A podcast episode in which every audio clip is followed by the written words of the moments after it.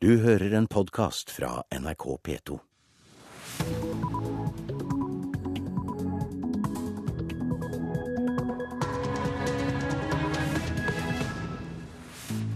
Riktig god morgen. Klokken den er 6.30. Dette er Nyhetsmorgen. Og i dag får vi vite hva staten skal bruke penger på til neste år. En del om statsbudsjettet vet vi allerede. Vi skal også snakke om dette her i Nyhetsmorgen. Blant annet vil arbeidsministeren gi ekstra barnebidrag til aleneforeldre med dårlig råd. Og i dag nås målet om at 1% av statsbudsjettet skal gå til kultur. Så har vi også mer om andre saker. Blant annet skal vi til Bergen og til korrupsjons etterforskningen som pågår der. Det viser seg at ingen stusset over reguleringsplanene som nå er under etterforskning. Alt dette får du mer om her i Nyhetsmorgen. I studio i dag, Turi Grønbekk. Først til at aleneforeldre som har dårlig råd, skal få ekstra barnebidrag i de tilfeller der far eller mor ikke betaler bidrag. Det kommer frem i statsbudsjettet som de rød-grønne legger frem senere i dag. Rundt 16 000 barn vil nyte godt av dette, dersom tiltaket får støtte fra noen av de borgerlige partiene. I forslag til statsbudsjett for 2014 vil vi gi økt støtte til de aleneforsørgerne som ikke får barnebidrag fordi at bidragsyter ikke kan betale. Det betyr mye for mange av de familiene som sliter tungt økonomisk, og vil utgjøre en forskjell på 4000 kroner i året for de som har barn over 11 år. Arbeidsminister Anniken Huitfeldt rydder kontoret sitt. Papiret sorteres og havner i esker eller i søpla, for snart rykker en ny minister fra de borgerlige inn og tar over hennes kontor. I dag legger den avtroppende rød-grønne regjeringa fram sitt siste statsbudsjett. Og selv om Huitfeldt må gå, håper hun tiltaket består. Ja, Det handler om de foreldrene som ikke har en ekspartner som betaler barnebidrag av ulike grunner. Det kan være rus, det kan være at man er i fengsel, det kan være at de er i utlandet. Og Da er det viktig at de barna også får eh, økt økonomisk handlingsrom til å være med på fellesaktiviteter. Det er det som heter bidragsforskuddet som skal økes til barn over 11 år, med om lag 400 kroner i måneden. Det er kun aleneforeldre med lav inntekt, dvs. Si de som tjener mindre enn 235 000 kroner i året, som får økt bidragsforskudd. Nå er det store spørsmålet om dette overlever i et nytt storting med borgerlig flertall. KrF er positive. Vi ønsker å støtte forslaget, og derfor forventer vi at den nye regjeringa ivaretar det. Og hvis ikke, så vil vi bidra i behandlinga i Stortinget til at det kan overleve. Sier Kjell Ingolf Ropstad, stortingsrepresentant for KrF. Venstres Sveinung Rotevatn understreker at han gjerne vil se helheten i statsbudsjettet først, altså baksiden av medaljen. Men Venstre er positive, og har sammen med KrF ambisjoner om å gjøre mye mer for barn i fattige familier. Men det er klart, eh, dette her er jo altfor lite. Altså Hvis du skal virkelig skal ta tak i de store barnefattigdomsutfordringene i Norge, så nytter det ikke med noen få millioner. Da må det nok eh, atskillig mer til, og det har vi ambisjoner om å levere i eh, den stortingsperioden vi nå går inn i. Reporter her, det var Linda Reinholdsen. Og dette er altså det siste statsbudsjettet til de rød-grønne. Og så er det ikke alle som er like interessert i hva staten har tenkt å bruke penger på til neste år. Nei, jeg har ikke noen forventninger i det hele. Hvorfor ikke det? Nei, for det, det, det er jo sånn som det pleier å være, vet du. Så det er ikke noe forskjell. Blant de kjøpeglade på Rogalands største kjøpesenter er det få forventninger og lite interesse for hva staten skal bruke pengene på til neste år. Nei, for, for så vidt ikke. Det, det, går for det samme. Så du er ikke eh, spent på hva de Nei, Det går vel for det samme. Men for noen er det avgjørende hva som kommer fram når statsbudsjettet for 2014 blir lagt fram i dag. Administrasjonssjef ved Rogaland Teater, Asle Wettergren, er en av de som vil følge spent med når finansminister Sigbjørn Johnsen går på talerstolen. Cirka 75% av, av våre inntekter kommer fra, fra, tilskudd. Så det er klart det har stor betydning eh, for oss hva, hva, som legges på bordet fra, fra nasjonalt hold. Vi har jo allerede blitt, eh, blitt lova av, av, eh, kulturminister Hadia Tajik at eh, vi skulle få midler til å kunne utbedre vår scenering på hovedscenen. Så det forventer vi, og selvsagt blir, blir en del av statsbudsjettet. Lovnader til trass. Endringer kan likevel komme når den blå-blå regjeringa legger fram sitt budsjett i november. Hvilke endringer håper du på? Nei, det vet jeg sannelig ikke. Bedre enn det var, iallfall. Jeg tror det kommer til å gå for, for det samme.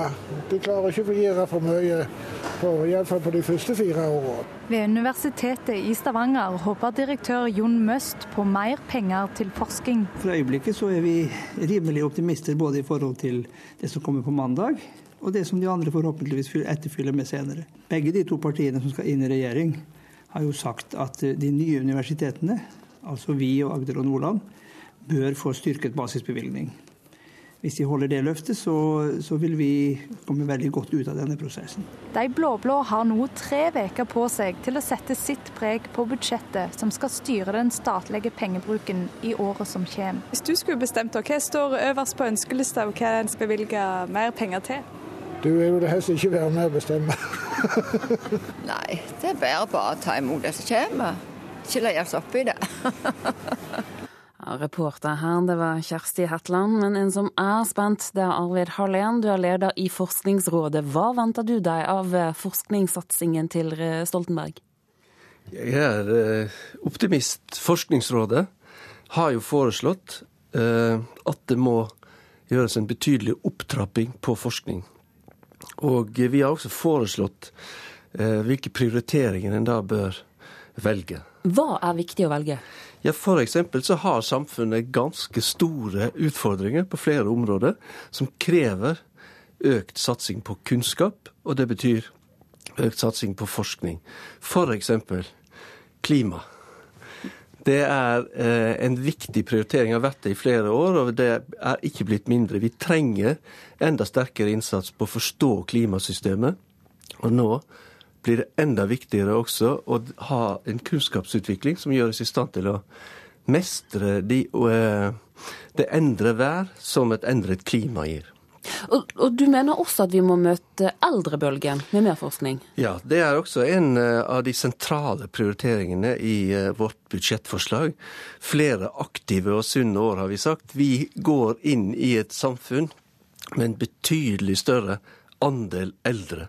Og da må vi legge til rette slik at vi kan mestre det. For eksempel så er eh, må vi mestre bedre det som er et endret sykdomsbilde, fordi vi får flere eldre, og at eldre blir en større andel av befolkningen. Men vi må også mestre eh, omsorgsoppgavene. Hvis vi skal løse omsorgsoppgavene slik vi gjør i dag, så er det ikke nok hender. Så vi må rett og slett utvikle eh, eh, å gjøre det på. Det vil bl.a. også bety å ta i bruk ny teknologi.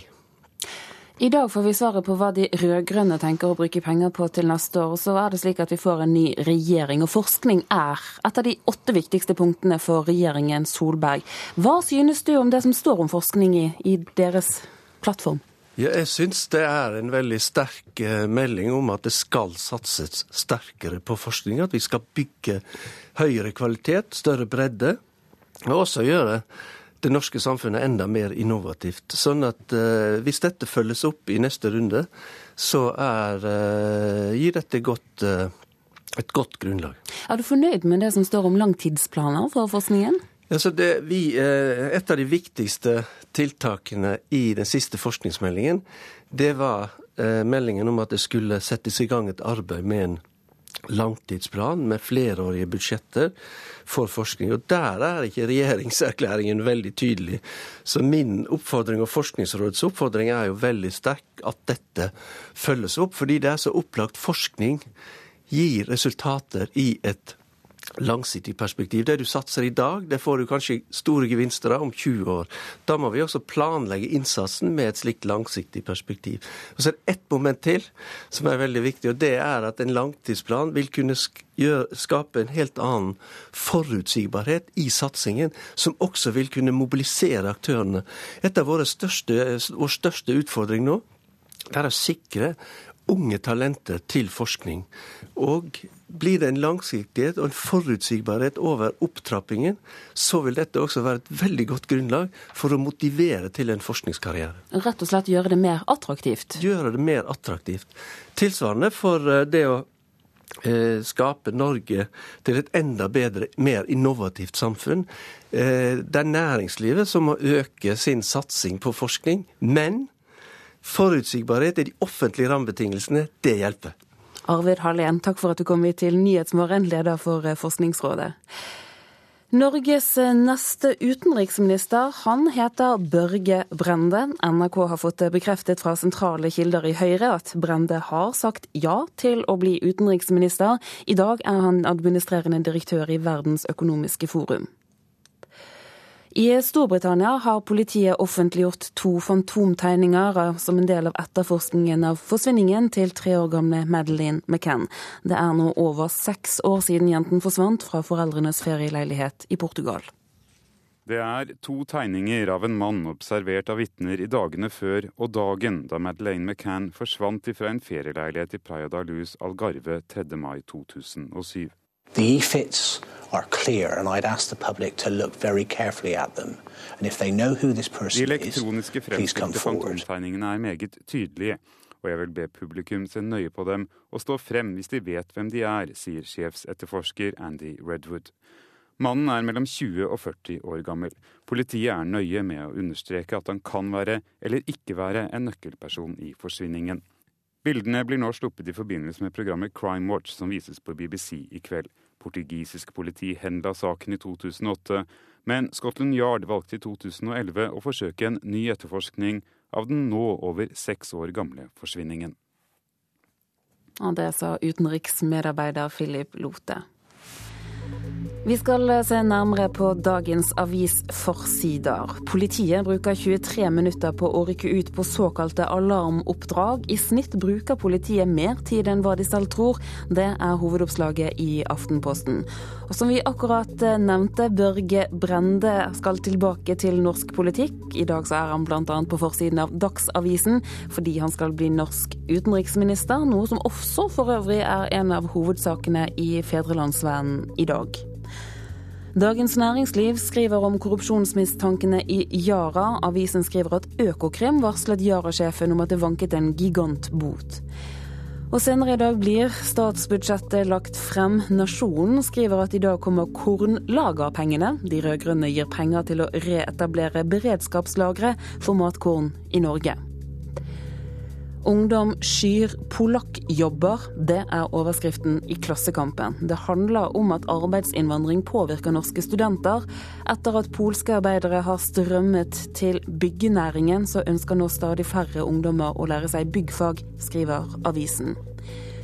Vårt Land skriver om klimapolitikk, og konklusjonen er at forskjellene på en rød-grønn og en blå regjering ikke blir særlig store. Såkalt supermat som alger, gress og spirer er en het trend innen helsekost. Men i Adresseavisen i dag går kostholdseksperter ut og advarer, mener at vi lures til å tro at supermat gir bedre helse. Bergens Tidende har varaordfører Tor Voldseth på forsiden. Han forteller at han er kilden som fikk politiet til å starte korrupsjonsetterforskning av et bystyremedlem. Bystyremedlemmet i Bergen er stiktet for grov korrupsjon og er varetektsfengslet i fire uker. VG slår opp en medisinsk kur som er omstridt, men som har gitt kreftsyk mann nytt liv, mens Dagbladet gir deg fem viktige råd som hjelper mot diabetes.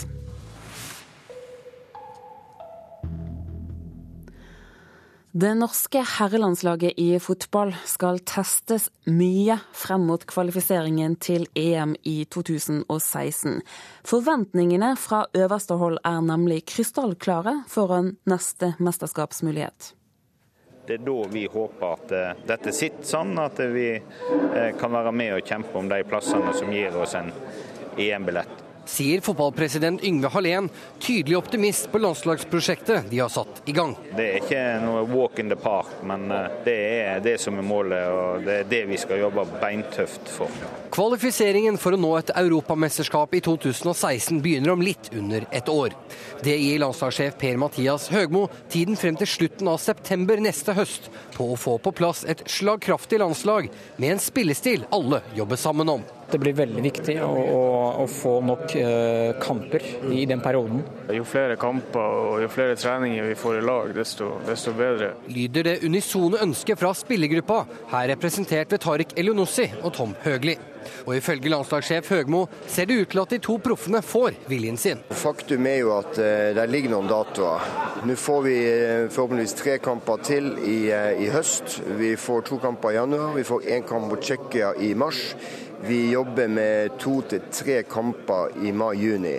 Og, og, det er det vi får foran september. Så det er å bruke disse kampene best mulig, og det, ikke minst er det å bruke tida mellom kampene. Vi er i en tidlig fase i forhold til eh, det nye prosjektet som vi er i gang med. Vi er overbevist om at dette er det riktige steget for oss. Sist de norske fotballherrene nådde et mesterskap, var i EM i 2000. På 17 forsøk har de faktisk kun lyktes å være med på selve moroa tre ganger tidligere. Med klare føringer fra toppnivå i Norges Fotballforbund er det en trend Høgmo akter å snu. Vi har jo et mål om å nå et mesterskap neste gang. Selv om vi har bare vært der 3 av 17 ganger og nålet er trangt, så vil det alltid være et naturlig mål for oss å komme til mesterskap. Og eh, neste EM i Frankrike er definitivt et mål vi har. Jeg er overbevist om også at vi kommer til å prestere. Forhåpentligvis så, så, så vil det krone seg med et EM-sluttspill i, i Frankrike. Reporter i denne saken, det var Thomas Lerdal. Du lytter til Nyhetsmorgen i NRK P2 og Alltid nyheter. Klokken er 6.46. I dag så blir statsbudsjettet lagt frem. Pengebruken for det neste året det er en av hovedsakene våre i dag. Blant annet så legger de rød-grønne opp til at aleneforeldre med dårlig råd skal få ekstra barnebidrag. Politikere må generelt bli enda flinkere til å satse på langtidsforskning. Det mener Forskningsrådet. Og bli med oss videre i sendingen, for vi skal bl.a. til jubileumsutstillingen Munch 150. Den slår alle tidligere besøksrekorder, er tidenes største kunstutstilling i Norge.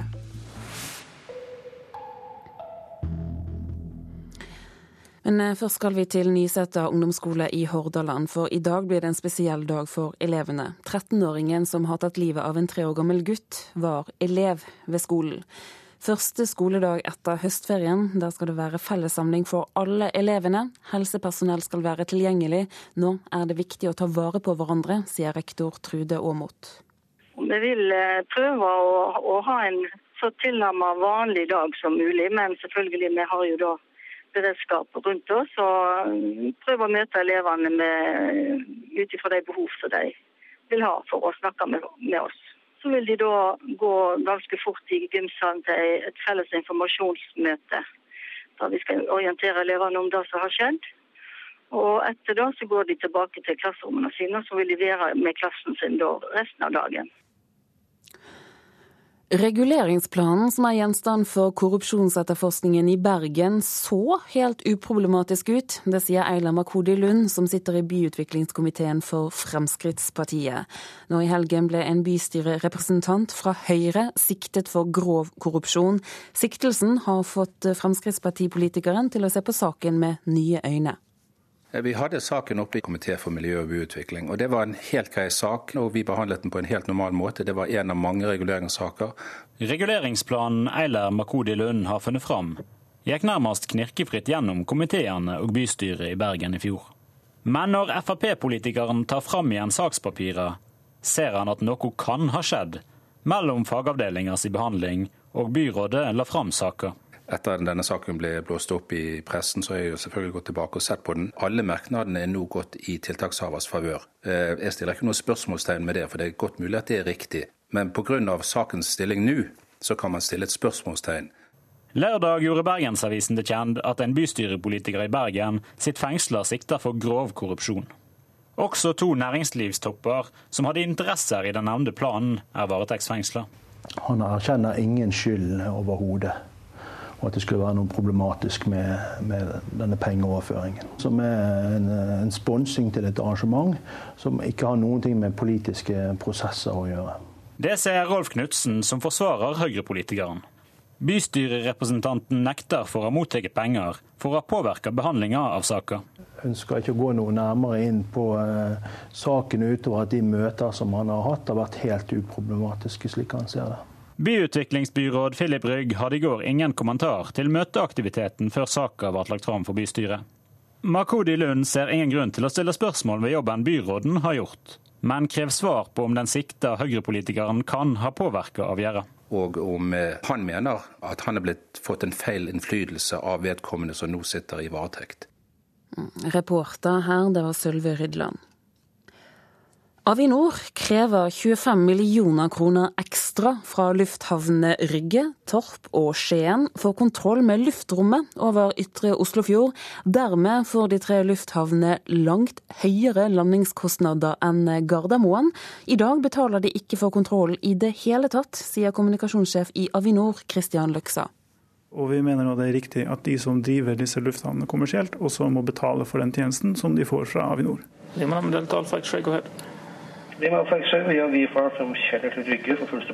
Avinors kontrollsentral i Røyken styrer flytrafikken til og fra Gardermoen, Rygge, Torp og Skien.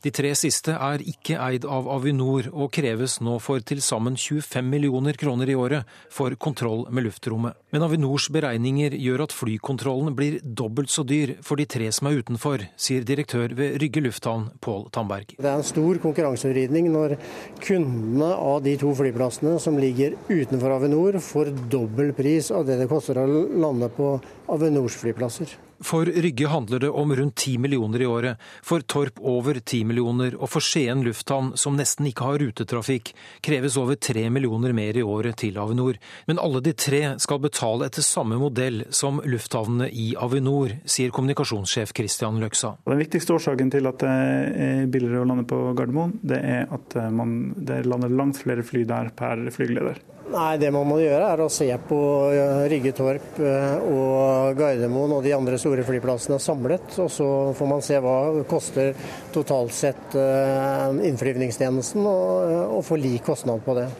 Ja, Det sa til slutt direktør for Rygge lufthavn, Pål Tandberg. Reporter, det var Lars Håkon Pedersen. Ungdom kopierer foreldrenes drikkemønster. og Det gjør de helt til de nærmer seg 30 år, skriver Aftenposten.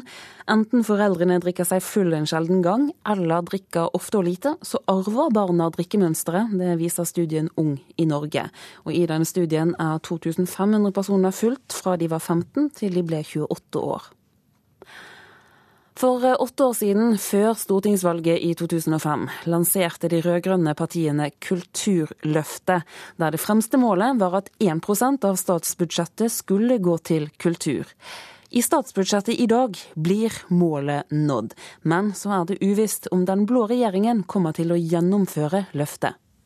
Med vårt budsjettforslag for 2014 så når vi målet om at 1% av statsbudsjettet skal gå til kultur. 1% det er målet de rød-grønne kulturministrene har styrt mot siden 2005.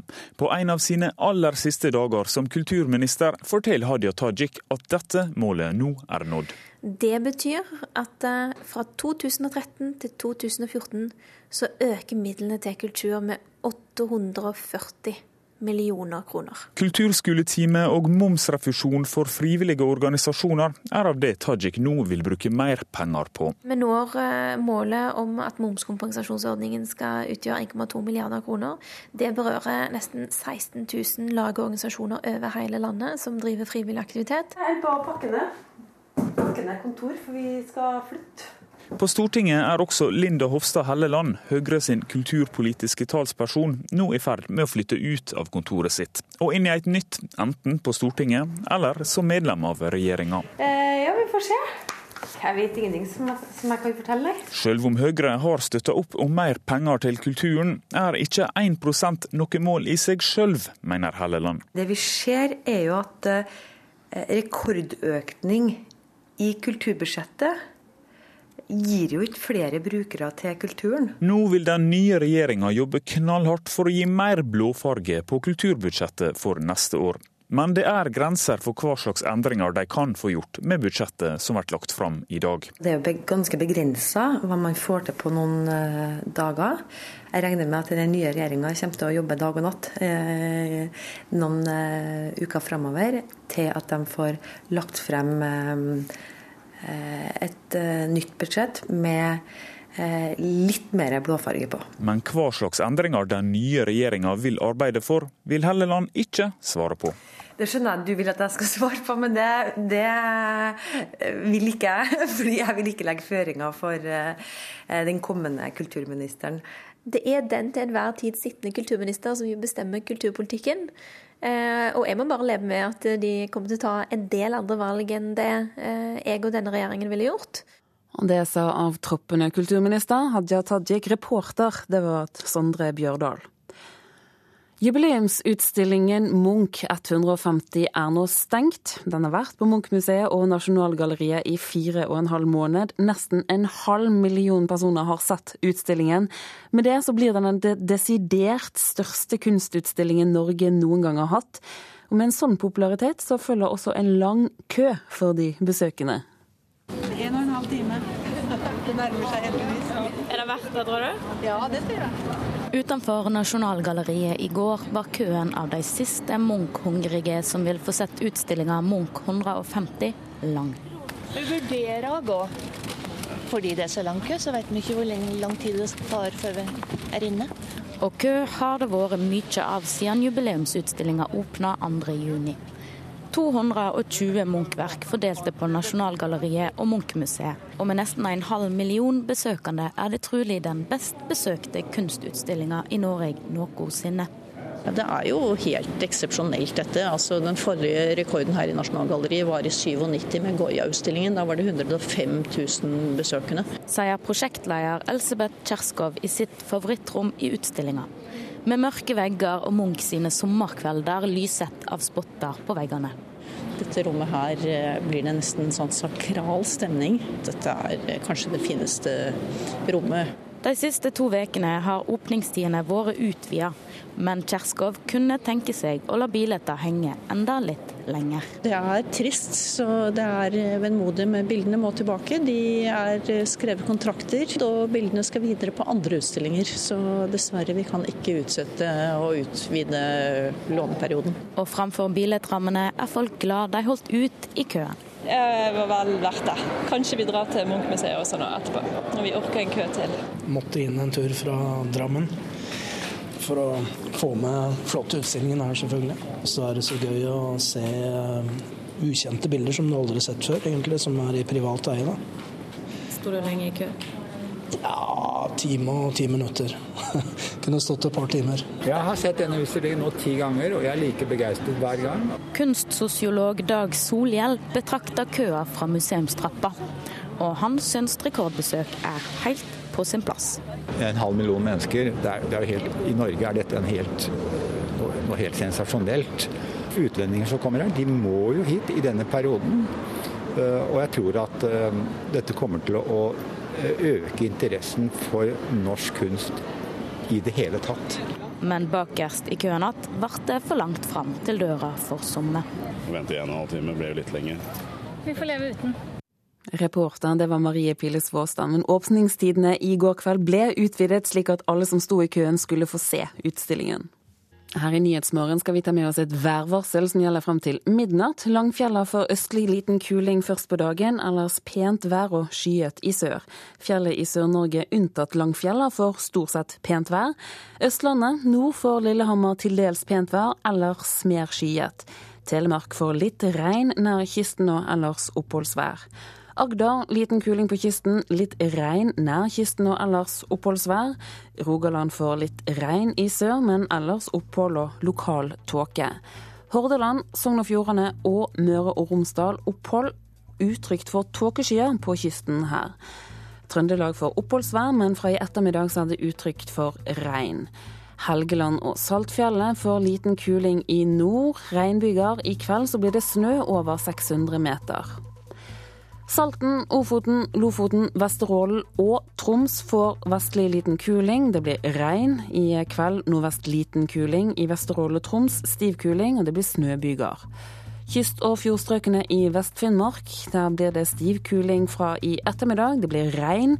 I kveld kortvarig nordvest liten storm og snøbyger. Finnmarksvidda kan vente seg regn. I kveld så blir det nordvest stiv kuling og enkelte snøbyger. Øst-Finnmark får sørøst liten kuling i kveld, og her blir det også litt snø. Og Spitsbergen, der blir det sørøst stiv kuling i kveld. Østlig sterk kuling, og det blir litt snø her. Du lytter for øvrig til Nyhetsmorgen i NRK P2 og Alltid nyheter. Nå får vi straks siste nytt fra Dagsnytt. Du hører en podkast fra NRK P2.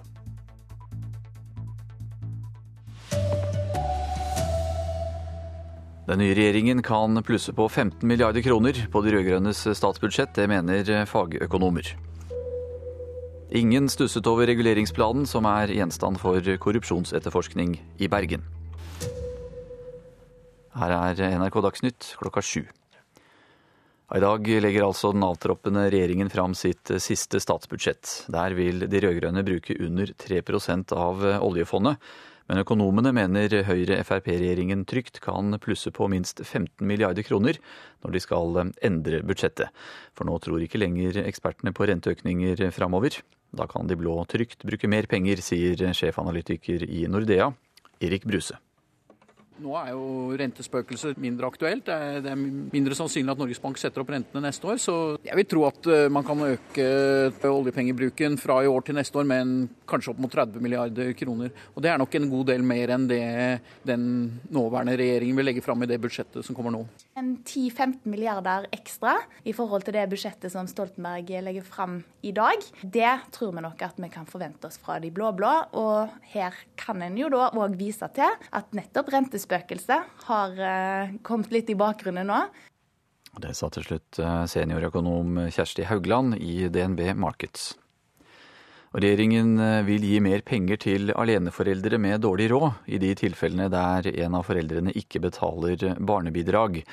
Rundt 16 500 barn vil nyte godt av om lag 400 kroner ekstra i måneden. Venstre og Kristelig Folkeparti sier til NRK at de trolig vil støtte forslaget som kommer fram i statsbudsjettet. Reguleringsplanen, som er gjenstand for korrupsjonsetterforskning i Bergen, så helt uproblematisk ut. Det sier Eiler Makodi Lund, som sitter i byutviklingskomiteen for Fremskrittspartiet. Høyrepolitikeren som er siktet for korrupsjon, møtte representanter fra byrådet sammen med utbygger før planen ble lagt fram for bystyret. Makodi Lund ber nå om svar på om byråd Filip Rygg kan ha vært lurt. Vi hadde saken oppe i Komité for miljø og byutvikling. og Det var en helt grei sak, og vi behandlet den på en helt normal måte. Det var en av mange reguleringssaker. Reguleringsplanen Eiler Makodi Lund har funnet fram, gikk nærmest knirkefritt gjennom komiteene og bystyret i Bergen i fjor. Men når Frp-politikeren tar fram igjen sakspapiret, ser han at noe kan ha skjedd mellom fagavdelingas behandling og byrådet la fram saka. Etter at denne saken ble blåst opp i pressen, så har jeg jo selvfølgelig gått tilbake og sett på den. Alle merknadene er nå gått i tiltakshavers favør.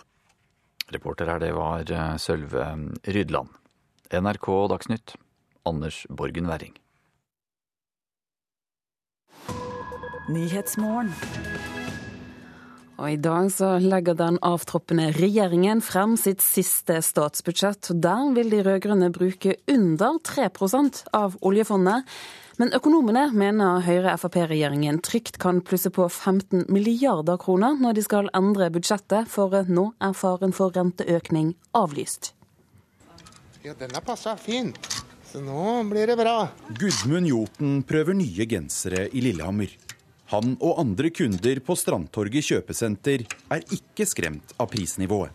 Verken på klær eller mat. Her var det veldig billig, for jeg fikk det to for 2,99. Prisene det var den godt ny, syns jeg i alle fall. Jeg reiser ikke til Sverige for å handle da maten er så billig her i Innlandet. Jeg syns ikke klærne er noe dyrere nå enn de har vært. Så lenge det ikke øker noe voldsomt, så er jeg fornøyd. Da. Og økning har det vært lite av den siste måneden.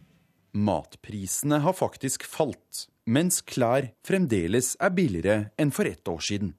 Og slik vil det fortsette, sier seniorøkonom Kjersti Haugland i DNB Markets. Trykket i norsk økonomi det er på vei ned, og dermed så kommer det òg til å bli begrensa med prispress framover. Så godt som alle eksperter er overrasket over hvor lave prisene er nå. Og med en kjøligere økonomi avlyser de fleste økonomene Norges Banks varslede renteøkning. Og når faren for renteheving er liten, mener sjefanalytikeren i Nordea at den blå regjeringen kan bruke langt mer penger neste år. Nå er jo rentespøkelset mindre aktuelt. Det er, mindre sannsynlig at Norges Bank setter opp rentene neste år, så det kan gi litt uh, rom for å, bruke litt mer penger. Jeg vil tro at uh, man kan øke, tenke seg å øke oljepengebruken fra i år til neste år med kanskje opp mot 30 milliarder kroner. Og Det er nok en god del mer enn det den nåværende regjeringen vil legge fram i det budsjettet som kommer nå. Og det har Erik Bruse rett i. For avtroppende statsminister Jens Stoltenberg har allerede varslet at han skal bruke lite av oljeformuen i statsbudsjettet som legges fram i dag. Vi kommer til å ligge, ligge underkant av 3% Men det kommer ikke de borgerlige til å gjøre, sier Haugland i DNB Markets. En 10-15 milliarder ekstra i forhold til det budsjettet som Stoltenberg legger fram i dag. Det tror vi nok at vi kan forvente oss fra de blå-blå. Og her kan en jo da òg vise til at nettopp rentespøkelset har uh, kommet litt i bakgrunnen nå. Og sjeføkonom Jan Andreassen i Eika-gruppen har en mistanke om hva den nye regjeringen vil bruke ekstrapengene på. Deres syndede våpen er jo da skattelette, så da blir det mer eh, rom for å ta i bruk ganske rause skatteletter fra og med årsskiftet. 10-20 milliarder kroner på skatteletter. Uansett, i Lillehammer kan nok en kunde glede seg over at prisene på klesplaggene fortsatt er til å leve med. Jeg kjøpte to, så var det halv pris på en nummer to, ja. Reportere her var Sindre Heierdal og Elin Fossum. Politisk kommentator Magnus Takvam, økonomer mener altså at Høyre og Fremskrittspartiet trygt kan bruke enda mer penger. Er dette en håndsrekning fra de rød-grønne? Mm, jeg vil vel ikke si det sånn. Noen økonomer vil vel nesten si det motsatte. Altså hvis eh, de rød-grønne i realiteten i praksis bruker svært lite oljepenger og liksom strammer veldig til, så er det klart at det gir lite handlingsrom for, for de som overtar. Eh, men nå er det slik økonomene antyder her, eh, mindre press eh, på renteoppgang. Og norske kroner er også blitt mindre verdt. Det er eh, gunstig på den måten. Slik at det er nok mange som tror at det er eh, rom for en viss eh, justering oppover i oljepengebruken. Men man må jo først se tallene bak eh, budsjettet, hvordan, hvordan Stoltenbergs siste budsjett er når man ser de små tallene. Men, men det at de rød-grønne legger seg på en linje som ligger langt under handlingsregelen, betyr det at vi, det er mindre sannsynlighet med store endringer i budsjettet? Altså Det at man legger seg på litt under f.eks. 3 av oljefondet, trenger jo ikke nødvendigvis bety at det er så stramt budsjett, fordi oljefondet har vokst så stort. Til å bli så stort. Det er på nesten 5000 milliarder kroner. Eh, så som jeg var inne på, så må man først se hvor stort hvor ekspansivt i realiteten det budsjettet som Stoltenberg-regjeringen legger fram er nå, før man kan vurdere det. Ehm, men det er klart at eh, det første budsjettet uansett ikke kommer til å skal vi si, bli snudd opp ned av en ny regjering. Det er det ikke handlingsrom for. Det er først når de selv kan sette sin egen dagsorden med budsjettet for 2015 at de kan komme med skal vi si, sin politikk i stor grad. Magnus Takvam, bli stående, for vi skal snakke om et annet forslag fra regjeringen. nå. De vil også øke kommunenes inntekter med 7,7 milliarder kroner til neste år. Det går også frem av forslag til statsbudsjett. En sterk kommuneøkonomi er viktig for at folk rundt om i landet skal få et godt tjenestetilbud, sier kommunalminister Liv Signe Navarsete. Pengene skal bl.a. gå til å senke maksprisen i barnehagene og til å utvide til to barnehageopptak i året. Det kommer også økte bevilgninger til valgfag på ungdomstrinnet, til barnevernet og til omsorgsboliger. Den største delen av påplussingene kommer som såkalt frie inntekter. Disse øker med alt 5,2 milliarder kroner. Kommunalminister Liv Signe Navarsete mener at kommunene med dette opplegget får dekket økte utgifter som følger av endringer i folketallet og høyere pensjonsforpliktelser. Det er ei ramme som tar høgde for eh, både folkevekst og pensjonsvekst. Eh, og som skal gi kommunene mulighet til å få dekka sine kostnader. I tillegg er det satt av 500 millioner til å fornye fylkesveiene. Liv Signe Navarsete, som senere i dag får avskjed som kommunalminister, sier hun har stor tiltro til det kommunale selvstyret, og at kommunene virkelig bruker de økte bevilgningene til å gi innbyggerne et enda bedre tjenestetilbud. Eh, og Innbyggerundersøkelsen senest i sommer viste jo at folk er nøgde med tjenestene som de får i kommunene. Eh, det må være en sterk indikator på at selv om det blir bygd kulturhus enkelte steder, eh, så får folk de tjenestene de har krav på. Sunn kommuneøkonomi, sier du, men hvor trygg er du på at det ikke står en gruppe ordførere her og banker på døra til den nye statsråden og sier at det opplegget til Navarsete, det var ikke godt nok? Det vil helt sikkert eh, være noen som mener at eh, dette ikke er bra nok. Det skulle bare mangle. Eh, men det er en sterk vekst med 7,7 milliarder kroner på toppen av ei allerede høy ramme. Og jeg vet at det vil komme vel med, for det er varierende tilstand i Kommune-Norge, og det er vi vel kjent med. Noen har høy gjeld, eh, noen har andre kostnader som kanskje har vokst mer enn de trodde. Men alt i alt, eh, når vi skal se kommunene under ett i makro, så tror jeg alle vil være samde i at norske kommuner har hatt ei god tid med den rød-grønne regjeringa. Reporteren Per Arne Bjerke. Magnus Takvam, vi hører altså at kommunene får mer penger. Tidligere har vi hørt at Kulturløftet nå er nådd. Hvilke andre områder får et løft? Nei, Det er eh, lekket ut bl.a. en eh, sterk satsing på jernbanen med en pakke på 10 milliarder kroner. Eh, fra før har vi også hørt at man vil øke bunnfradraget til 1 million kroner for formuesskatten og arveavgiften, og det er ganske store grep.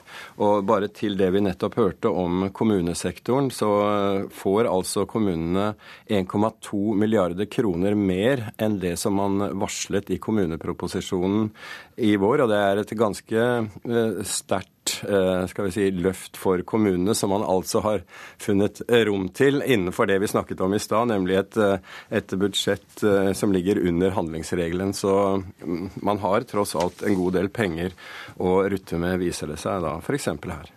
Det er jo ofte slik at mye av innholdet i statsbudsjettet pleier å lekke ut i forkant. Hvordan har dette vært i år? Ja, Det er den samme øvelsen i år også. så Noe av det nevnte jeg i stad. Og det viste seg f.eks. i valgkampen. Så eh, det er jo da man såkalt har behov for å kunne lekke fra sitt eget budsjett for å ha gode saker. Da var det veldig mange små lekkasjer, vil jeg si. Og det er kanskje de som er de viktigste. Små bevilgninger til tiltak i en region og i et fylke. Det var det mange av. Magnus Takvam, takk skal du ha. Statsbudsjettet og fremleggelsen av det kan du følge her i NRK både på TV, radio og nett utover dagen. Voldsutsatte vil få det verre med de borgerlige. Det frykter krisesentrene. Høyre og Fremskrittspartiet endrer krav om botid i Norge for å få oppholdstillatelse fra tre til fem år. Men det vil føre til at mange kvinner blir lengre hos overgriperen, det sier Krisesentersekretariatet. I Bergen lever en russisk kvinne i frykt. Det er ett og et halvt år siden hun flyktet fra mannen sin. Ah, som alle kvinner og menn hadde jeg et ønske om å leve et stabilt forhold. Jeg ble kjent med en norsk mann fra Bergen. Han virket som snill, rolig, stabil mann, og vi bestemte oss å bygge opp et nytt liv sammen. Men drømmehverdagen ble raskt en annen. Han ble synd, og faktisk neste dager jeg oppfølte som fysisk terror. Situasjonen ble utholdelig. Hun frykta for livet og ba om skilsmisse og oppholdstillatelse etter et års tid. Har du blitt mishandla er det mulig, men det er vanskelig å bevise. Derfor velger mange voldsutsatte å bli i forholdet til tre år har gått, og de er sikra å få bli i Norge. I forslaget til ny regjeringsplattform vil Solberg-regjeringa utvide botida til fem år for å få varig opphold.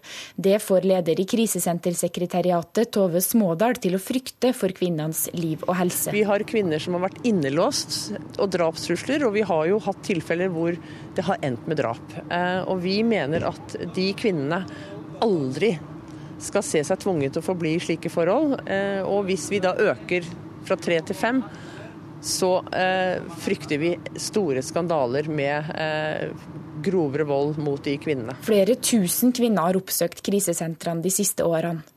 Halvparten er utenlandsk. De blå-blå vil endre loven for å begrense innvandringa og forhindre proformaekteskap. Høyres Linda Hofstad Helleland sier voldsutsatte kvinner ikke har noen grunn til å føle seg mer utsatt med ny regjering. Vi skal finne eh, ordninger og gjennomgå regelverket knytta til personer som opplever mishandling, nettopp for å sørge for at kvinner ikke blir værende i forhold hvor de blir utsatt for eh, vold, men at vi sørger for at eh, vi finner ordninger hvor de eh, kommer seg i trygghet og, og og sikkerhet. Hva slags eh, type ordninger da ser dere for dere? Det er ordninger som vi vil komme tilbake til eh, etter hvert. Ordninga vi har i dag har ført til at mange blir hos mishandleren. For den østeuropeiske kvinna var det imidlertid ikke noe valg. Hun sier hun til slutt flykta for livet. I min situasjon uh, det var unacceptable. Jeg kan ikke risikere med livet mitt. Så selvfølgelig for, for meg det, det var umulig å tåle i tre år. Nei. Reporter her, det var Marit Gjelland. Likestillingsombud Sunniva Ørstavik, har voldsutsatte kvinner grunn til å frykte en utviding av botiden? Ja, jeg syns eh, denne reportasjen og fortellingene fra krisesenteret er helt tydelige på at det har de.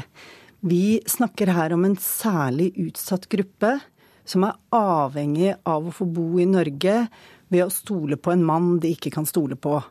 Hvis vi utvider denne botiden, så betyr det at flere kvinner kan måtte leve med vold i enda flere år. Men, men så sier jo da Høyre bl.a. her at de vil ta hensyn til voldsutsatte kvinner, selv om de hever kravet for botid i Norge.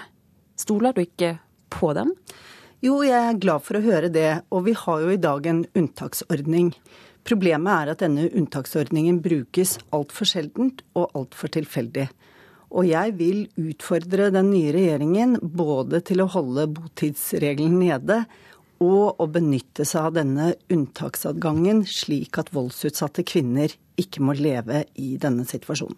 Si mer om det. Hva slags endringer må til da for å styrke rettsvernet til disse kvinnene? Det handler jo om kompetanse i hjelpeapparatet på å se og forstå den volden som disse kvinnene utsettes for.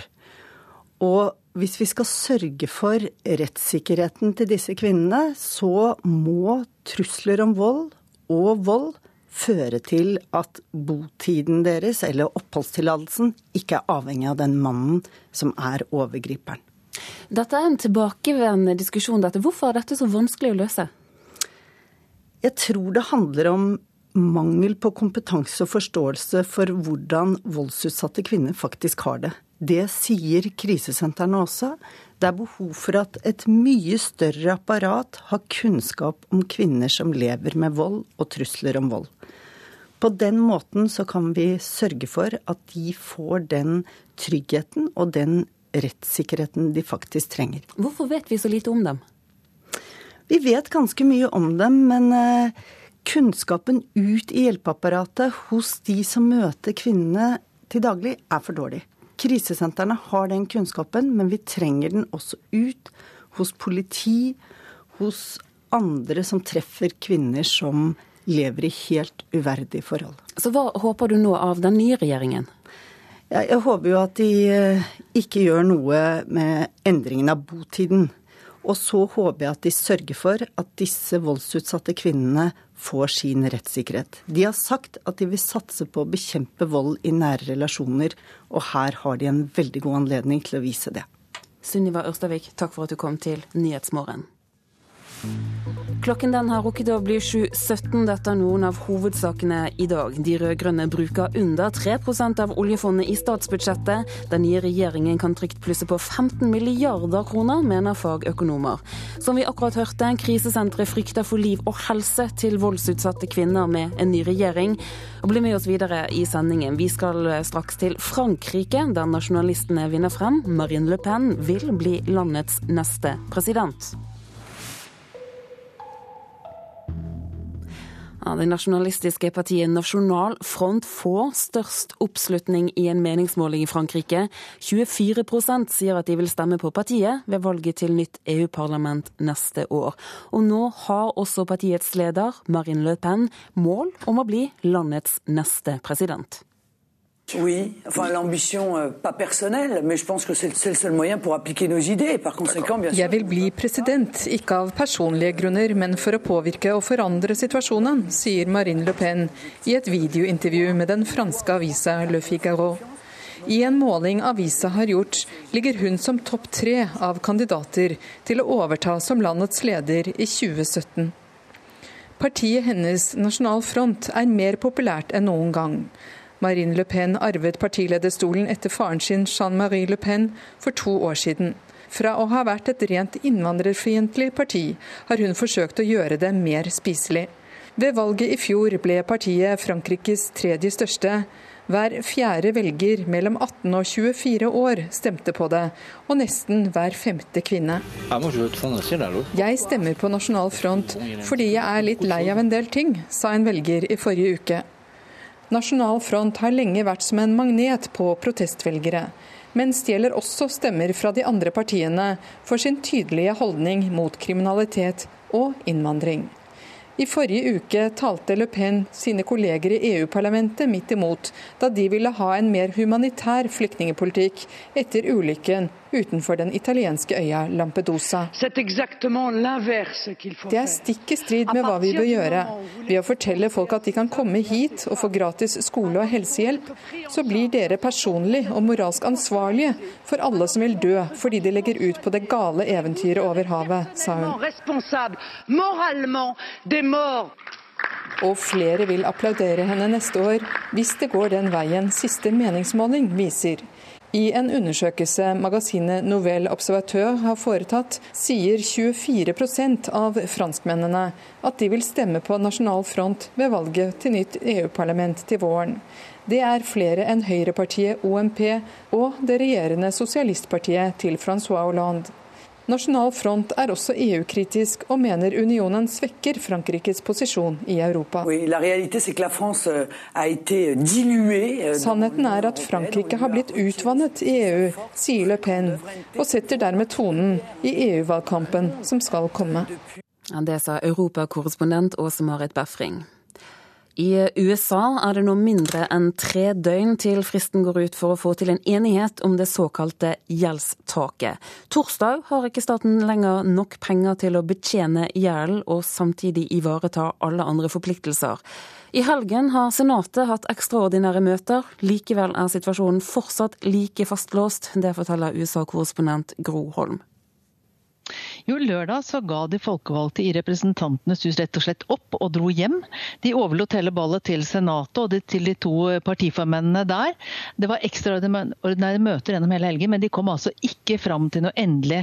Og, og lørdag avviste faktisk demokratene i Senatet et forslag fra, som kom fra en komité bestående av representanter for begge partier, og som gikk ut på å forlenge driften av staten med seks måneder, altså bevilge penger til seks måneder, og eh, heve gjeldstaket eh, til ut i januar. Men det var ikke nok for demokratene, så da var det de som satte foten ned. Eh, og der står eh, saken. Eh, nå sier flertallsformannen, demokraten Harry Reid, sa i går at han er optimist, men det ligger egentlig ikke noe på bordet som gir veldig stor grunn til optimisme. Så, så hva slags muligheter finnes det da for en løsning? Ja, Det er jo viktig her at ethvert kompromiss som Senatet eventuelt måtte komme fram til, det må vedtas av Representantenes hus før det blir praktisk politikk. Og Det er altså flertallsformannen i Representantenes hus, John Bainer, som bestemmer om man skal ta et forslag opp til avstemning. Til nå har han nektet å ta noen av de tidligere forslagene opp til avstemning fra fra Senatet. Fordi han er redd for å splitte sitt eget parti. Så, så, i utgangspunktet så ligger det ting i systemet som går på prosess som gjør det veldig vanskelig. Men eh, jeg tror at eh, det er nok slik at til syvende og sist må også presidenten og demokratene gi noe. De får ikke til det de vil, nemlig eh, vedtak om både statsbudsjett og heve gjeldstaket uten noen form for betingelser. Og Det kan være flere ting. Det kan f.eks. være et løfte om at man skal drøfte det store underskuddet og permanente underskuddet i amerikansk økonomi, hva man skal gjøre for å få det ned eh, over tid. Det kan være at han må eh, gi noe symbolsk mer konkret, som å droppe droppe denne skatten på medisinsk utstyr, som republikanerne har gått inn for å droppe. og Det er en del av finansieringen av Obamacare. Så noe må nok demokratene og presidenten gi. Det kommer nå advarsler fra Det internasjonale pengefondet om at det kan bli en nedgang i verdensøkonomien dersom ikke USA overholder gjeldsforpliktelsene sine. Gjør dette inntrykk i USA? Ja, det gjør det på et vis, men jeg tror nok at her, her tenker begge sider som så, både presidenten og demokraten på den ene og republikanerne, at jo, men den andre siden tør nok egentlig ikke å la det gå så langt som at man ikke betaler eh, for seg. Og så har det da kommet en del uttalelser fra økonomer i det siste om at jo, eh, men selv på torsdag vil man ha penger til å betale gjelda til utlandet. Det er andre oppgaver, sånn som de sosiale velferdstiltakene er hjemme, som det kanskje vil gå utover. Det er det man ikke vil eh, bruke statlige midler til. Så eh, jeg tror for mange er det litt lite konkret. Hva betyr det egentlig at USA ikke lenger kan betale sine regninger? For eh, det, er, vanskelig for finansministeren for eksempel, å overbevise folk om at ingen regninger vil bli betalt. Det vet du at det kommer ikke til å skje. Vi skal se på dagens avisforsider nå. Ungdom skyr polakkjobber, det skriver Klassekampen. Det handler om at arbeidsinnvandring påvirker norske studenter, og at færre ungdommer ønsker å lære seg byggfag etter at polske arbeidere har strømmet til byggenæringen. Politiet bruker 23 minutter på å rykke ut på såkalte alarmoppdrag. I snitt bruker politiet mer tid enn hva de selv tror. Det er hovedoppslaget i Aftenposten.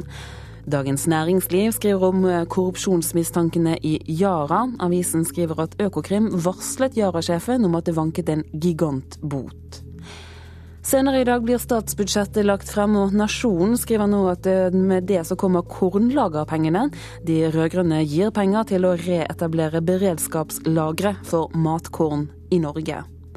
Børge Brende er på forsiden av Dagsavisen fordi han skal tilbake til norsk politikk. Han skal eh, til posten som utenriksminister. Det er også en av hovedsakene i Fedrelandsvennen. Vårt Land skriver om klimapolitikk på sin forside i dag. Konkluderer bl.a. med at forskjellene på en rød-grønn og en blå regjering ikke blir så store. Såkalt supermat, som alger og gress, er populært innen helsekost, men i Adresseavisen i dag går kostholdseksperter ut og advarer, mener at vi narres til å tro at supermat gir bedre helse. Bergens Tidende har varaordfører Tor Voldseth på sin forside. Han forteller at han er kilden som fikk politiet til å starte korrupsjonsetterforskning av et bystyremedlem i Bergen. VG slår opp en medisinsk kur som er omstridt, men som har gitt en kreftsyk mann nytt liv, mens Dagbladet gir deg fem viktige råd som hjelper mot diabetes. Vi skal snakke kreative navn de neste minuttene nå, bl.a. om Jonny Nonsens, Preben Gøssu og Frank Spoen. Det er tre menn fra Surnadal som alle har valgt nye mellomnavn. En lovendring har gjort det enkelt å skifte navn på internett, og det har ifølge Folkeregisteret ført til at 20% flere velger å gjøre det. Ja, jeg drakk en del stygg hjemmebrent fra overbygdene for noen år tilbake, og var en eh, ja, grei tilhenger av den type leskedrikk. Eh, og det ble kalt gøssu da på, på folkemunne. Og derfor heter nå Preben Joramo Gøssu til mellomnavn. Og han har to kompiser som heter Frank Spun Botten. Ja, det er Jonny Nonsens Miklegard. Og nå har mange gjort som de tre kreative kameratene fra Surnadalen i Møre og Romsdal.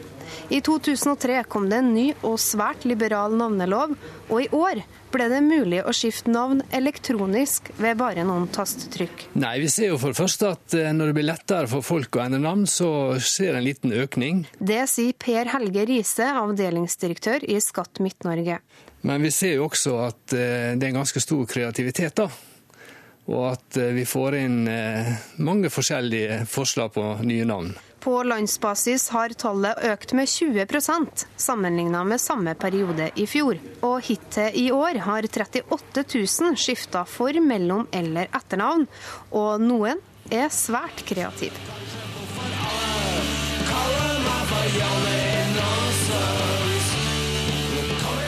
Det var jo et artistnavn. Min, eh, mitt store idol, Joakim Nilsen. Jeg har et alter ego, eh, Jonny Nonsens. Helt siden jeg var 13 år så ville jeg ha et band som heter for eh, Spoon. Eh, og det var jo aldri et band som het det, så da tok jeg sjøl det navnet Spoon. Det er uttrykk for at folk vil eh, gi uttrykke noe de er opptatt av, noe som de føler er seg sjøl. Altså noe deres, deres indre, deres identitet. Det sier navneforsker ved Universitetet i Bergen, Ivar Utne, og han tror det handler om å gjøre navnet enda mer personlig. Dette er jeg opptatt av, dette vil jeg ha uttrykt i mitt navn. For eksempel, vi hadde sånn med en som kalte seg Tog som får navn. For nå kan du heite hva du måtte ønske, så lenge navnet minner om et navn, og at det ikke kan føre til ulemper for deg senere i livet. Ifølge Riise er Paris og London veldig populære mellomnavn som blir godkjent, men det er lov til å angre. I og med at vi kan eh, endre navn elektronisk, så ser jeg også litt på kveldstid og nattestid. Det hender jo så det at vi av og til får en telefon på mandags morgen der noen har eh, sendt inn en søknad om endring av navn og ber om at vi ikke behandler den. da. Reporter her, det var Kaja Kristin Næss. Du lytter til eh, Nyhetsmorgen i NRK P2 og Alltid nyheter. Straks siste nytt fra Dagsnytt med Anders Borgen Werring. Det er eh, Marit Selma Nedrelid som er produsent for Nyhetsmorgen i dag. Her i studio, Turi Grønbekk.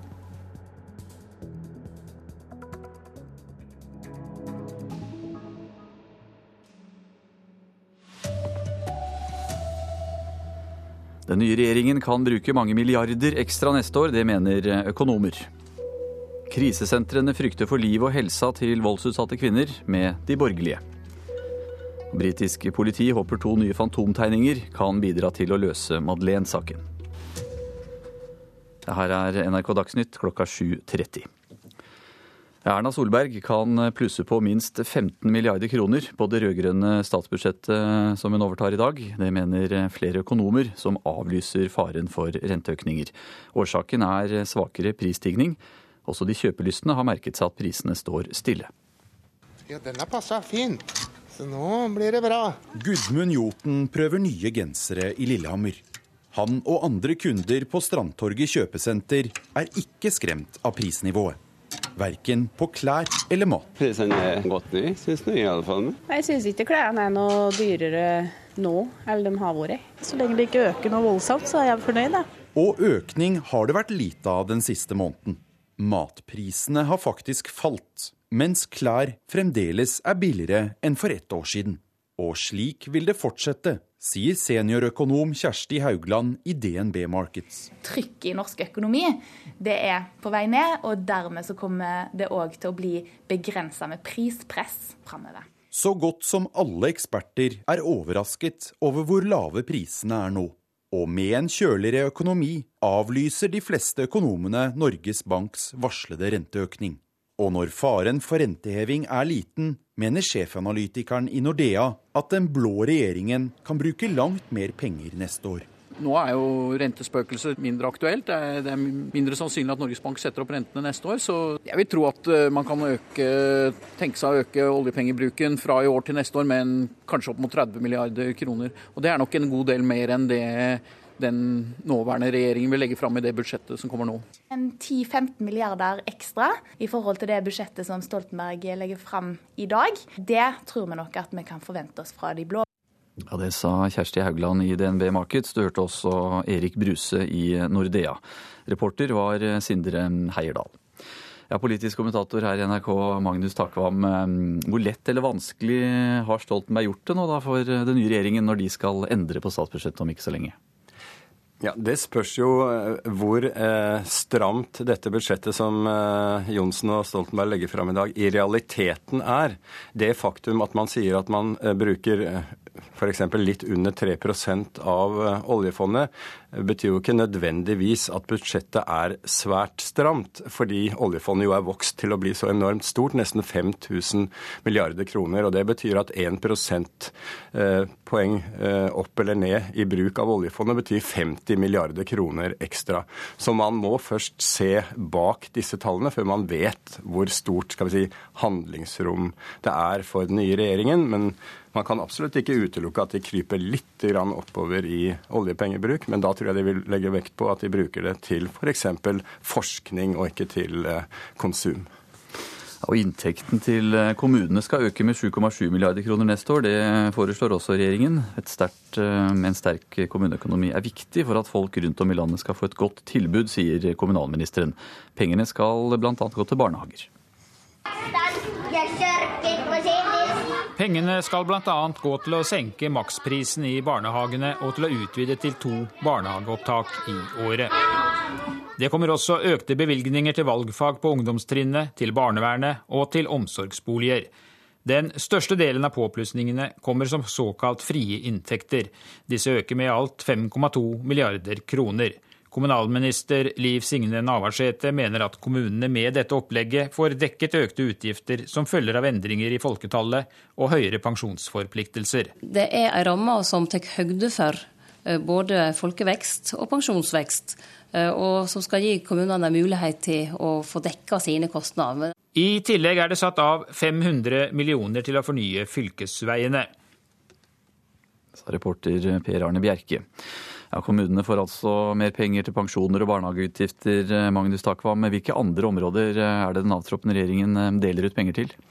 Nei, Fra før er det jo blitt kjent at man vil øke bunnfradraget på arveavgiften og formuesskatten f.eks. For opp til 1 million kroner. Det er jo et løft, men det dekkes jo inn av skatteøkninger på andre områder.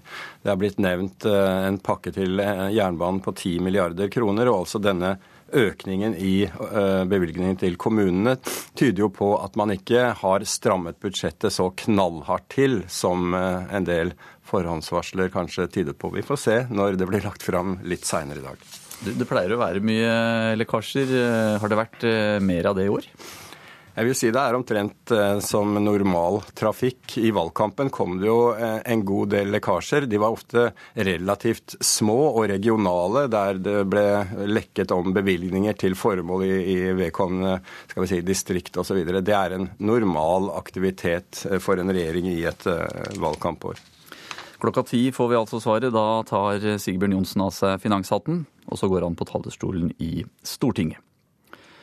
Voldsutsatte vil få det verre med de borgerlige, frykter krisesentrene. Høyre og Frp vil endre kravet om botid i Norge for å få oppholdstillatelse fra tre til fem år. Men eh, det vil føre til at mange kvinner blir lenger hos overgriperen. Det sier Krisesentersekretariatet. I Bergen lever ei russisk kvinne i frykt. Det er eh, ett og et halvt år siden hun flyktet fra mannen sin. Han ble sint, og faktisk neste dager oppfølte som fysisk terror. Situasjonen ble utholdelig. Hun frykta for livet og ba om skilsmisse og oppholdstillatelse etter et års tid. Har du blitt mishandla, er det mulig, men det er vanskelig å bevise. Derfor velger mange voldsutsatte å bli i forholdet til tre år har gått, og de er sikra å få bli i Norge. I forslaget til ny regjeringsplattform vil Solberg-regjeringa utvide botida til fem år for varig opphold. Det får leder i Krisesentersekretariatet Tove Smådal til å frykte for kvinnenes liv og helse. Vi har kvinner som har vært innelåst og drapstrusler, og vi har jo hatt tilfeller hvor det har endt med drap. Eh, og vi mener at de kvinnene aldri skal se seg tvunget til å forbli i slike forhold. Eh, og hvis vi da øker fra tre til fem, så eh, frykter vi store skandaler med eh, grovere vold mot de kvinnene. Flere tusen kvinner har oppsøkt krisesentrene de siste årene. Halvparten er utenlandsk. De blå vil endre loven for å begrense innvandringa og forhindre proforma-ekteskap. Høyres Linda Hofstad Helleland sier voldsutsatte kvinner ikke har noe grunn til å føle seg mer utsatt med ny regjering.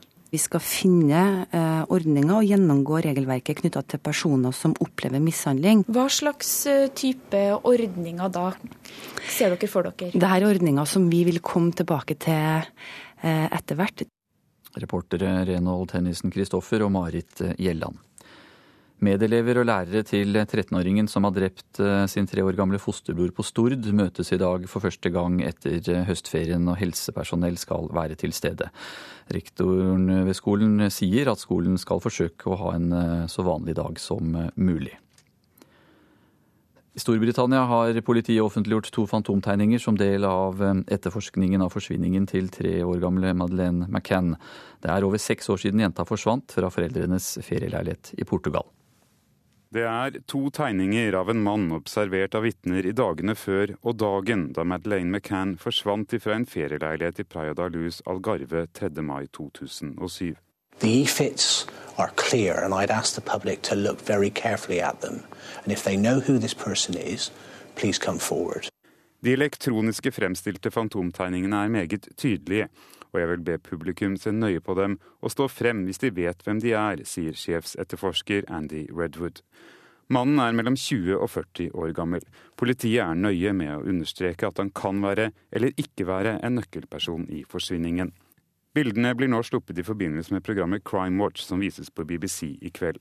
Portugisisk politi henla saken i 2008, men Scotland Yard valgte i 2011 å forsøke en ny etterforskning av den nå over seks år gamle forsvinningen. Sa utenriksmedarbeider Philip Lote. Så fotball. Norge skal testes mye fram mot EM-kvalifiseringen i 2016. Forventningene fra øverste hold er nemlig krystallklare.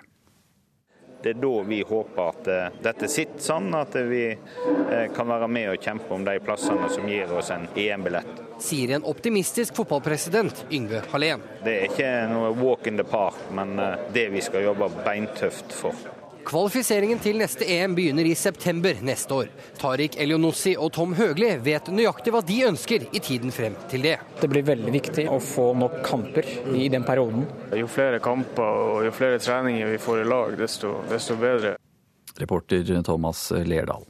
Det er eh, Anne Skårseth som har ansvaret for Dagsnytt eh, i dag. Beate Haugtrø er eh, teknisk ansvarlig. Jeg heter Anders Borgen Werring.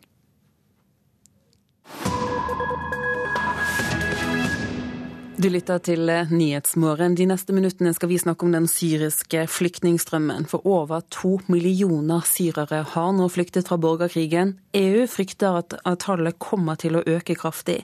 Til den italienske øya Lampedusa kommer det nå flere flyktninger fra Syria enn fra noe annet land. En ung mor leker med datteren sin bak et fire meter høyt gjerde. De venter i interneringsleiren på Lampedusa etter å ha flyktet den lange veien fra Homs. Vi er palestinske flyktninger fra Syria, forteller hun gjennom gjerdet. Mannen kommer bort. Father, father. Jeg er far, sier han stolt, og kanskje som en forklaring på hvorfor de flyktet fra krigens gru. Children to children. Baby two months and baby two years. Jeg har en baby på to måneder og en datter på to år, forteller han. Jenta har mørke krøller og er kledd i en blå penkjole. Hun tråkker rundt på madrassene de sover på, som også er hennes lekeplass. Uh, look. Se, sier faren og peker mot madrassene.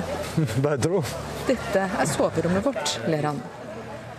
Familien kom til Lampedusa for fire dager siden.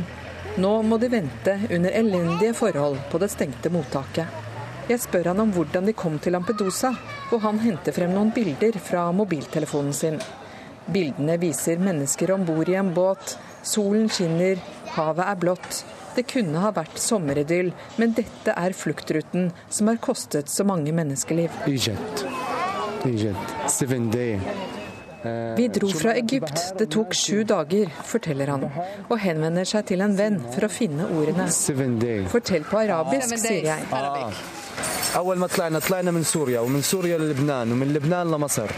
Først dro vi fra Syria til Libanon, og så videre til Egypt. Men situasjonen der begynte å bli veldig dårlig etter det som hadde skjedd med Morsi. Mange syrere ble arrestert og banket opp, forteller han. Vi flyktet fra krigen til Egypt, og der ble vi banket opp.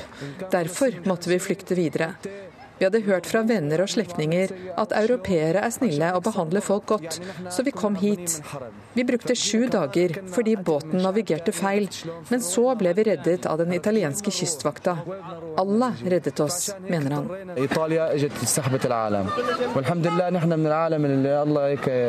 De som jobber i interneringsleiren, sier at syrere vet minst om asylprosessen i Europa. De kjenner ikke til systemet for asylbehandling, har ingen dekkhistorier eller forståelse for hvorfor de må vente i mottaket og ikke bare kan fortsette livene sine på det nye kontinentet. De har ikke melk her, og vi får bare to bleier om dagen. Vi er ikke kommet til Europa for å få mat og slikt. Vi ønsker å komme oss vekk fra Lampedusa. Vi vil bare videre og trenger ikke hjelp fra noen, sier syreren fra Homs. Over to millioner syrere har flyktet fra landet under krigen, og EU regner med at de vil ha passert tre innen årets slutt. Langt de fleste lever i nabolandene, men stadig flere finner situasjonen der uholdbar og reiser videre. Men til nå har bare litt over 40 000 fått opphold på kontinentet, med Tyskland og Sverige som mest åpne til å ta imot krigsflyktninger. Og vår mann er ikke i tvil om hvor familien skal reise nå. Sweden. Men hvorfor Sverige, spør jeg. Bedroom good, food good, uh, work very good. Bra hus, bra mat og bra arbeidsmarked, sier han. Sverige har sagt at vi kan komme. Der kan jeg få jobb, mener han. Very good. Ja, reporter her, det var vår europakorrespondent Åse Marit Befring. Du lytter til Nyhetsmorgen i NRK P2 og Alltid nyheter. Klokken er 7.44. Hovedsaker i dag. Det handler mye om statsbudsjettet. Om noen timer så legger finansministeren frem sitt aller siste. Den nye regjeringen kan bruke mange milliarder kroner ekstra neste år, mener økonomer. Dessuten, i dag når de rød-grønne målet om at 1% av statsbudsjettet skal gå til kultur. Andre saker som er viktige i dag, det handler om krisesentrene som frykter for livet og helsen til voldsutsatte kvinner med de borgerlige. Klokken er inne for eh, Politisk kvarter. Per Arne Bjerke, det er altså statsbudsjettet som er hovedsaken i dag, og det sier vel seg selv da hvem som er gjest hos deg? Ja, han er Norges lengst sittende finansminister. I dag kommer han med sitt siste budsjett.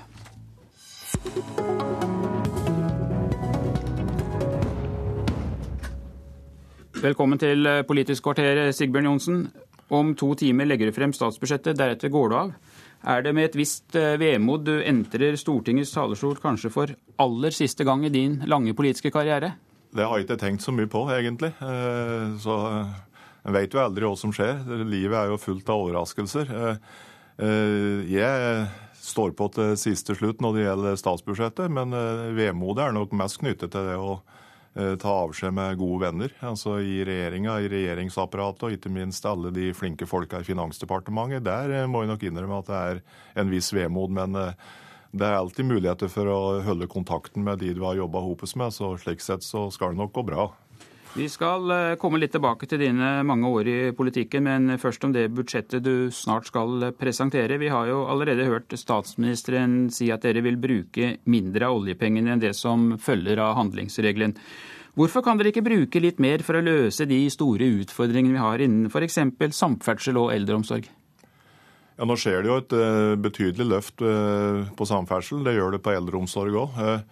Men samtidig så er det jo slik at selv et land som Norge, som har mye penger, har ikke råd til å løse alle oppgaver samtidig. Så vi må gjøre valg. og nå er vi inne i en situasjon der der er, sett i forhold til landene rundt oss, god vekst i Norge. Vi har hatt sterk vekst i pensjonsfondet, og vi har også fått ekstra vekst i pensjonsfondet i norske kroner som følge av at krona er svakere. Og I en slik situasjon så vil det være uansvarlig å bruke 4% Derfor ligger vi godt under 4 %-banen i budsjettet for 2014. Men nå er det flere økonomer som sier til Dagsnytt i morges at oljepengebruken kan i hvert fall øke med minst 15 milliarder utover det du foreslår. Hva har du å si til det? Ja, Nå får vi se det endelige tallet blir når vi legger fram budsjettet klokka ti. Men vi mener at det å ha en forutsigbar og innfasing av oljepenger i statsbudsjettet, det å ta hensyn til utvikling i norsk økonomi, faktisk er og en viktig del av denne handlingsregelen. så Derfor så er det nødvendig nå å ligge godt under 4 %-banen. Jan Tore Sanner, inntil nå mangeårig finanspolitisk talsmann i Høyre og etter all sannsynlighet en av statsrådene i den nye regjeringen, selv om du vel ikke vil bekrefte det. Syns du det er en god idé å bruke 15 milliarder ekstra, slik enkelte økonomer tar til orde for? Det er det litt tidlig å, å, å, si noe konkret om. Den nye regjeringen må selvsagt se hva, både hva som ligger i budsjettet, men også foreta en vurdering av utviklingstendensene i, i, norsk økonomi. Det vil alltid være hyggelig å kunne bruke noen ekstra penger, eh, men vi må sørge for at økt pengebruk ikke fører til høyere kostnadsvekst. fordi at eh, får vi en fornyet kostnadsvekst, så går det utover norske arbeidsplasser, og eh, pengene man bevilger blir fort spist opp av, av høyere, høyere kostnader. Nå har jo statsministeren da for flere uker siden varslet at det skal brukes under 3% av oljefondet, altså mindre enn denne berømte handlingsregelen. Gir dette dere også mindre armslag når dere nå skal foreslå endringer i budsjettet? Ja, Den nye regjeringen vil ha forholdsvis kort tid på å gjøre eh, endringer, eh, om lag eh, tre uker. Så det er nok begrenset hva man kan, kan bruke. Men det er kvalifiserte og dyktige folk som skal inn i apparatet, så jeg er helt sikker på at, at en ny regjering vil sette også sitt tydelige preg. Og det vi vil være opptatt av, det er også hvordan vi bruker pengene. Vi må sørge for at vi får opp investeringene i infrastruktur, i kunnskap og, og forskning, og også vekstfremmende skattereduksjoner. Vi må sørge for at vi får vekstkraft i norsk økonomi, slik at uh, vi kan trygge velferden også i årene som kommer. Du var inne på det at det er kort tid. og Må dere ikke egentlig nå arve store deler av opplegget til Johnsen og administrere det det første året dere sitter med makten? Jo, det er begrenset hva man kan, kan, gjøre. og Derfor så mener jeg også at vi må få en ny debatt i Norge om hvordan overgangen fra en avgående til en ny regjering skal, skal skje. For realiteten er at det budsjettet som legges frem i dag, det vil prege Norge nesten frem til 1.1.2015. Eh, så en diskusjon også om overgang fra en gammel til en ny regjering, det mener jeg er på, på høy tid. Men jeg er helt sikker på at den nye regjeringen vil sette sitt preg på, på budsjettet. Det er mulig å foreta eh, tydelige omprioriteringer, slik at regjeringens prosjekter, eh, som handler om, om kunnskap og infrastruktur, men også løfte svake eh, grupper, satse på rus og, og psykiatri bl.a., vil komme klart frem i et fornyet forslag til budsjett som kommer i løpet av tre-fire uker. Sigbjørn Johnsen, Gjennom åtte år så har det vært et mantra fra den rød-grønne regjeringen at dere står for en ansvarlig økonomisk politikk. Er det noen som helst grunn til å tro at han som sitter ved siden av deg, kommer til å være mindre ansvarlig? Jan Tore, eh, det, han sa nå, er mye fornuft i det. Eh, det han starta med, at, eh, de, at, Høyre vil føre en ansvarlig politikk. Det som vi stilte en del spørsmål ved i valgkampen, var hvordan en, en regjering utgått fra Frp og Høyre ville håndtere dette. Nå vil jo tida vise. Nå står det jo i denne erklæringen fra Sundvolden at de vil følge handlingsregelen. Og så vil jo tida vise hva det innebærer. Eh, men eh, det er jo ingen tvil om at denne regjeringa som sitter nå, eh, har ført en ansvarlig økonomisk politikk. Det er bare å se på resultatene i norsk økonomi. Vi har kommet gjennom finanskrisa på en god måte. Vi har hatt en sterk vekst i antall sysselsatte. Og vi har en vekst som de fleste land i Europa faktisk vil misunne. Det er ingen tvil om at det har vært ført en ansvarlig økonomisk politikk i Norge, og det er nødvendig ut ifra det som Jan Tore sier, om, eh, særlig om kostnadsnivå, som er en av de store utfordringene som både vi har, og som den nye regjeringa vil få. Kan du skrive under på dette, Sanner, at det har vært ført en ansvarlig og god økonomisk politikk? Ja, det er ført en ansvarlig, ansvarlig, politikk. Eh, og Norge har kommet godt igjennom den krisen som, som verden opplevde i 2008-2009. Eh, samtidig så har jo Norge også et helt unikt eh, utgangspunkt, som jeg tror alle verdens finansministre misunner, oss. Eh, vi har, vi har, mye penger, vi har dyktige folk, vi har dyktige fag, fag, og kompetansemiljøer, og vi har store ressurser i Norge. Samtidig så har vi også en del grunnleggende utfordringer som vi særlig ser i fastlandsøkonomien, hvor, hvor, hvor vi nå opplever en investeringstørke eh, hvor eh, mange av de konkurranseutsatte arbeidsplassene eh, sliter. Og det er vi nødt til å, å, ta tak i. For vi blir veldig sårbare når vi blir så avhengig av en høy oljepris. Vi må sørge for at vi får flere bein å stå på. Det blir en av de viktige utfordringene for en ny regjering. Ja, etterlater du deg ikke noen problemer egentlig, Johnsen, når du ser de vanskene som fastlandsindustrien sliter med, hvor bedrifter går over ende og hvor man har problemer med å konkurrere med utlandet? Ja, Det er jo to forhold der som er viktig å være klar over. Det ene er jo at uh, fastlandsbedriftene er også prega av den situasjonen som er særlig i det europeiske markedet. For det er der mesteparten av handelen vår går, og det er der de konkurrerer. Derfor så, og Dette er ingen budsjettlekkasje, det er noe vi har sagt vi skal gjøre. Derfor så følger vi bl.a. opp denne vekstpakka fra i vår med at vi setter ned selskapsskattesatsen øke startavskrivninger. Eh, det er det ene. Det andre som blir utrolig viktig framover, eh, det er hvordan vi ordner lønnsoppgjørene framover, og hvordan vi sørger for at det vi kaller frontfaget, altså ansatte i konkurranseutsatt industri, hva slags rolle de skal ha i lønnsoppgjørene framover. Der kommer det jo en utredning som den eh, nye regjeringa vil må ta tak i. Den kommer i slutten av oktober. Så jeg tror vi er veldig klar over, både Jan Tore og jeg, at vi har en utfordring på kostnadssida som, som, blir viktig for oss framover. Føler du at du kunne ha gjort noe mer for å holde tritt med kostnadene? Jeg mener vi har gjort uh, det som er nødvendig. Eh, vi, har, vi, så f.eks. lønnsoppgjøret i fjor, eller i år, da, vise en nedadgående tendens. Vi har eh, lagt veldig stor vekt på å bygge større konkurransekraft inn i norsk industri. Så er det nok grader til å ha uenighet om hvor mye du skal bruke på samferdsel og forskning og slike ting, men det er jo to av de, blant annet to av de budsjettområdene som har fått størst økning eh, i forhold til det som var situasjonen i 2005. Sigbjørn Johnsen, i dag så legger du frem altså ditt tiende statsbudsjett, og du er den finansministeren som har sittet absolutt lengst. Nummer to på lista. Han satt i seks år, og han var finansminister i en av Gunnar Knudsens regjeringer for 100 år siden. Det første budsjettet du la frem, det kom i 1991. Velferdssamfunnet bygger òg på en moralsk kontrakt. At alle bidrar til ordninger som hjelper oss sjøl når vi trenger dem og som samtidig støtter andre når de blir rammet. Men det forutsetter at vi alle stiller lojalt opp, og ikke utnytter ordninga gjennom svart arbeid, skatteunndragelse og trygdemisbruk. De som gjør det, stjeler midler som kunne gi ledige hender arbeid, økt trygghet for helse og ved alderdom. Du har ikke forandret deg mye i løpet av 22 år, Sigbjørn Johnsen. Denne talen kunne vi nesten ha holdt i dag også? Ja, jeg vil nok ha eh, holdt en litt annen tale, og det blir en litt annen tale. For eh, da jeg la fram eh, statsbudsjettet for 92, altså høsten 1991, så var Norge i en helt annen situasjon. Vi hadde høy arbeidsledighet. Vi hadde en bankkrise som var i full utvikling. Vi hadde høye renter. Så det så litt annerledes ut i norsk økonomi. Men grunnbudskapet om yte etter evne, få etter behov og det å passe på generasjonskontrakter er det samme. Hva vil du si har vært det absolutt vanskeligste du har vært med på i løpet av alle disse årene? Ja, Det vanskeligste var eh, jeg vil si, hvordan du skulle håndtere bankkrisa. Eh, eh, hvordan du skulle sørge for at norske banker kom inn på trygg grunn. og 17.10.1991 er nok en merkedag i, i, så måte. Det var den dagen jeg la fram denne pakka i Stortinget på hvordan vi skulle håndtere bankkrisa. Det var en helt spesiell dag, helt spesiell begivenhet. Jan Tore Sanner, hva slags ettermæle tror du at eh, Sigbjørn Johnsen eh, kommer til å få?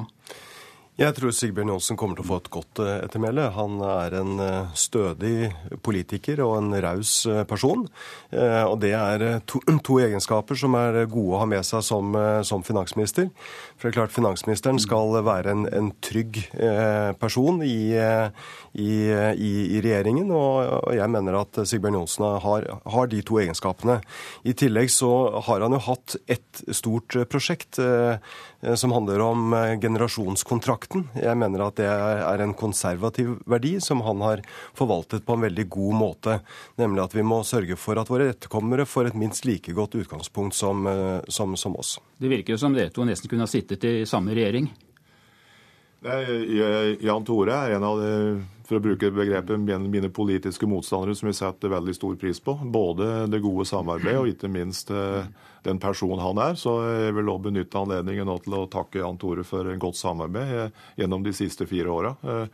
Eh, og ønske dere lykke til videre. Så kan det jo hende at vi møtes i andre sammenhenger. Altså Jeg blir jo fylkesmann, og så blir det jo spennende å se hva slags statsrådspost Jan Tore får. Det er en ting jeg lurer på, lurer på Sigbjørn Johnsen. Hvordan har det vært å sitte som finansminister og si nei, nei, nei til alle gode forslag fra regjeringskolleger som gjerne vil ha gjennomslag for sine saker?